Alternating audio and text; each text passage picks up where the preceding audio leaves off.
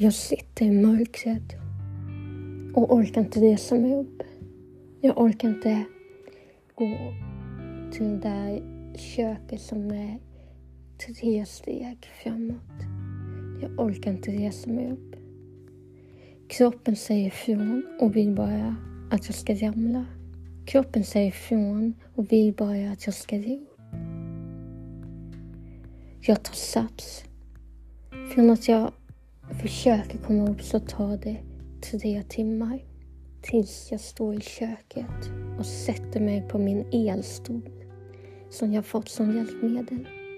Elstolen som ska göra att jag orkar sitta ner och laga mat. Ja, hjälpmedel har varit en räddning i mitt liv. Jag är 32 år och använder hjälpmedel. Hur kan det komma sig att jag ska behöva gå med rullator eller ta min rullstol? Hur kommer det sig att jag behöver den där elstolen eller den där duschstolen för att orka med min vardag? Det vet man inte.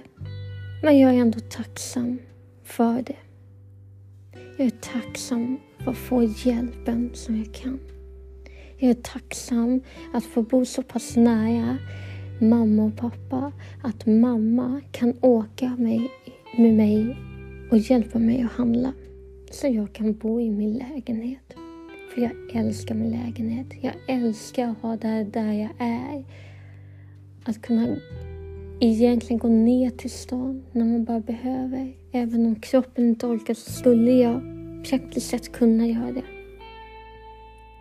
Vissa dagar är tunga, riktigt tunga. Och jag frågar mig varför. Varför ska det vara så tungt? Vissa dagar frågar jag mig varför händer det här mig? Varför den där femåringen skulle få dessa sjukdomar. Och varför var det inte bara levern som gjorde att jag var så trött? Utan det är något annat som jag aldrig kommer få reda på antagligen. Mitt i det där så kommer upp min PSD.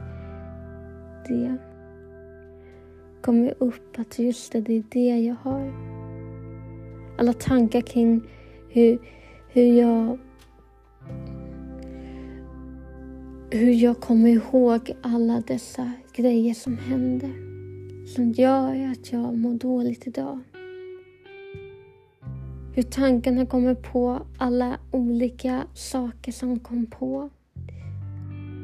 Och jag kan känna vissa dofter och jag kan känna när jag ser vissa saker som påminner mig, påminner mig om situationerna. Det gör ont i mig. Det gör så ont i mig. Men jag vet att jag inte är ensam. Det är inte bara jag som känner så här. Jag tar ett glas Coca-Cola som jag älskar i kylskåpet. Och det är så gott när kolsyran finns så att man precis öppnat en burk eller en flaska. Och kolsyran bara sprider sig. Att njuta av det där glaset är så fantastiskt. Och det gör att jag kanske kan orka någonting just när jag dricker en cola. Att jag inte behöver svimma. Den känslan är så bra. När jag ändå är i köket så sätter jag mig på elstolen och gör de här matlagningsgrejerna. Eller försöker klara av att städa spisen. Få ha det gjort. För det behöver man ju göra. Och när jag tänker på den situationen så blir det tufft.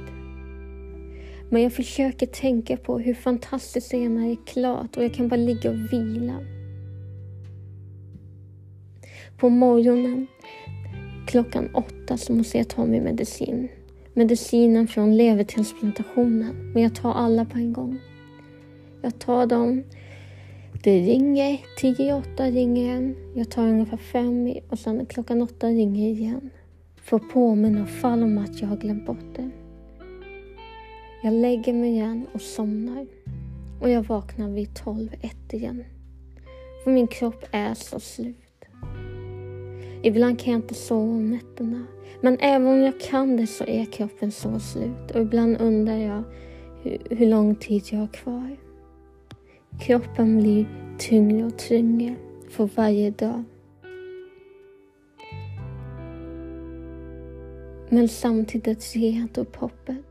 För det finns en Gud som kan hjälpa en. Det finns en Gud som hjälper oss överallt. Och det är det som gör också att jag är så glad och bara är så tacksam över också. För det jag fått vara med om.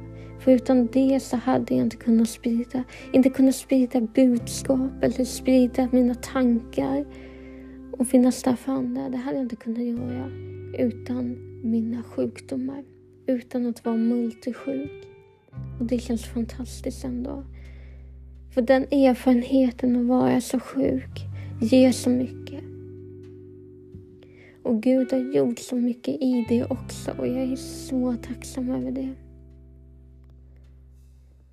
Även om det kan kännas mörkt ibland. För det kan det göra. Det kan kännas mörkt. Så vet jag att Gud är med. Och jag glömmer aldrig det.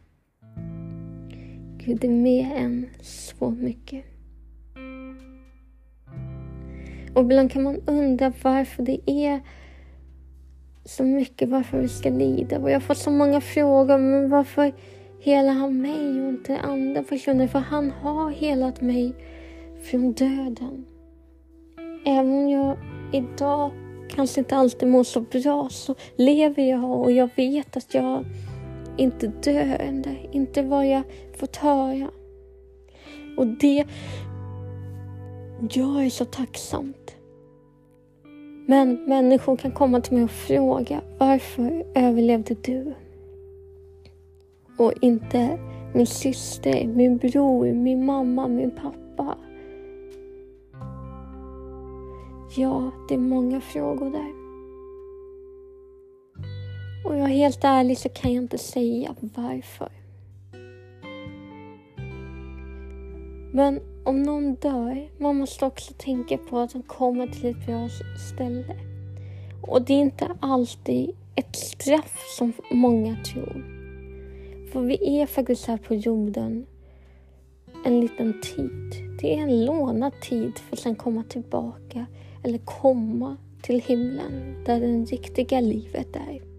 Det här är ju bara början. Det här livet är bara början på vad vi får uppleva.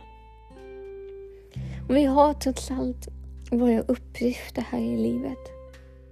Och de uppgifterna ska vi göra och sen är det dags. Och vissa tas ifrån tidigare men kanske också har gjort verkligen det som behövs.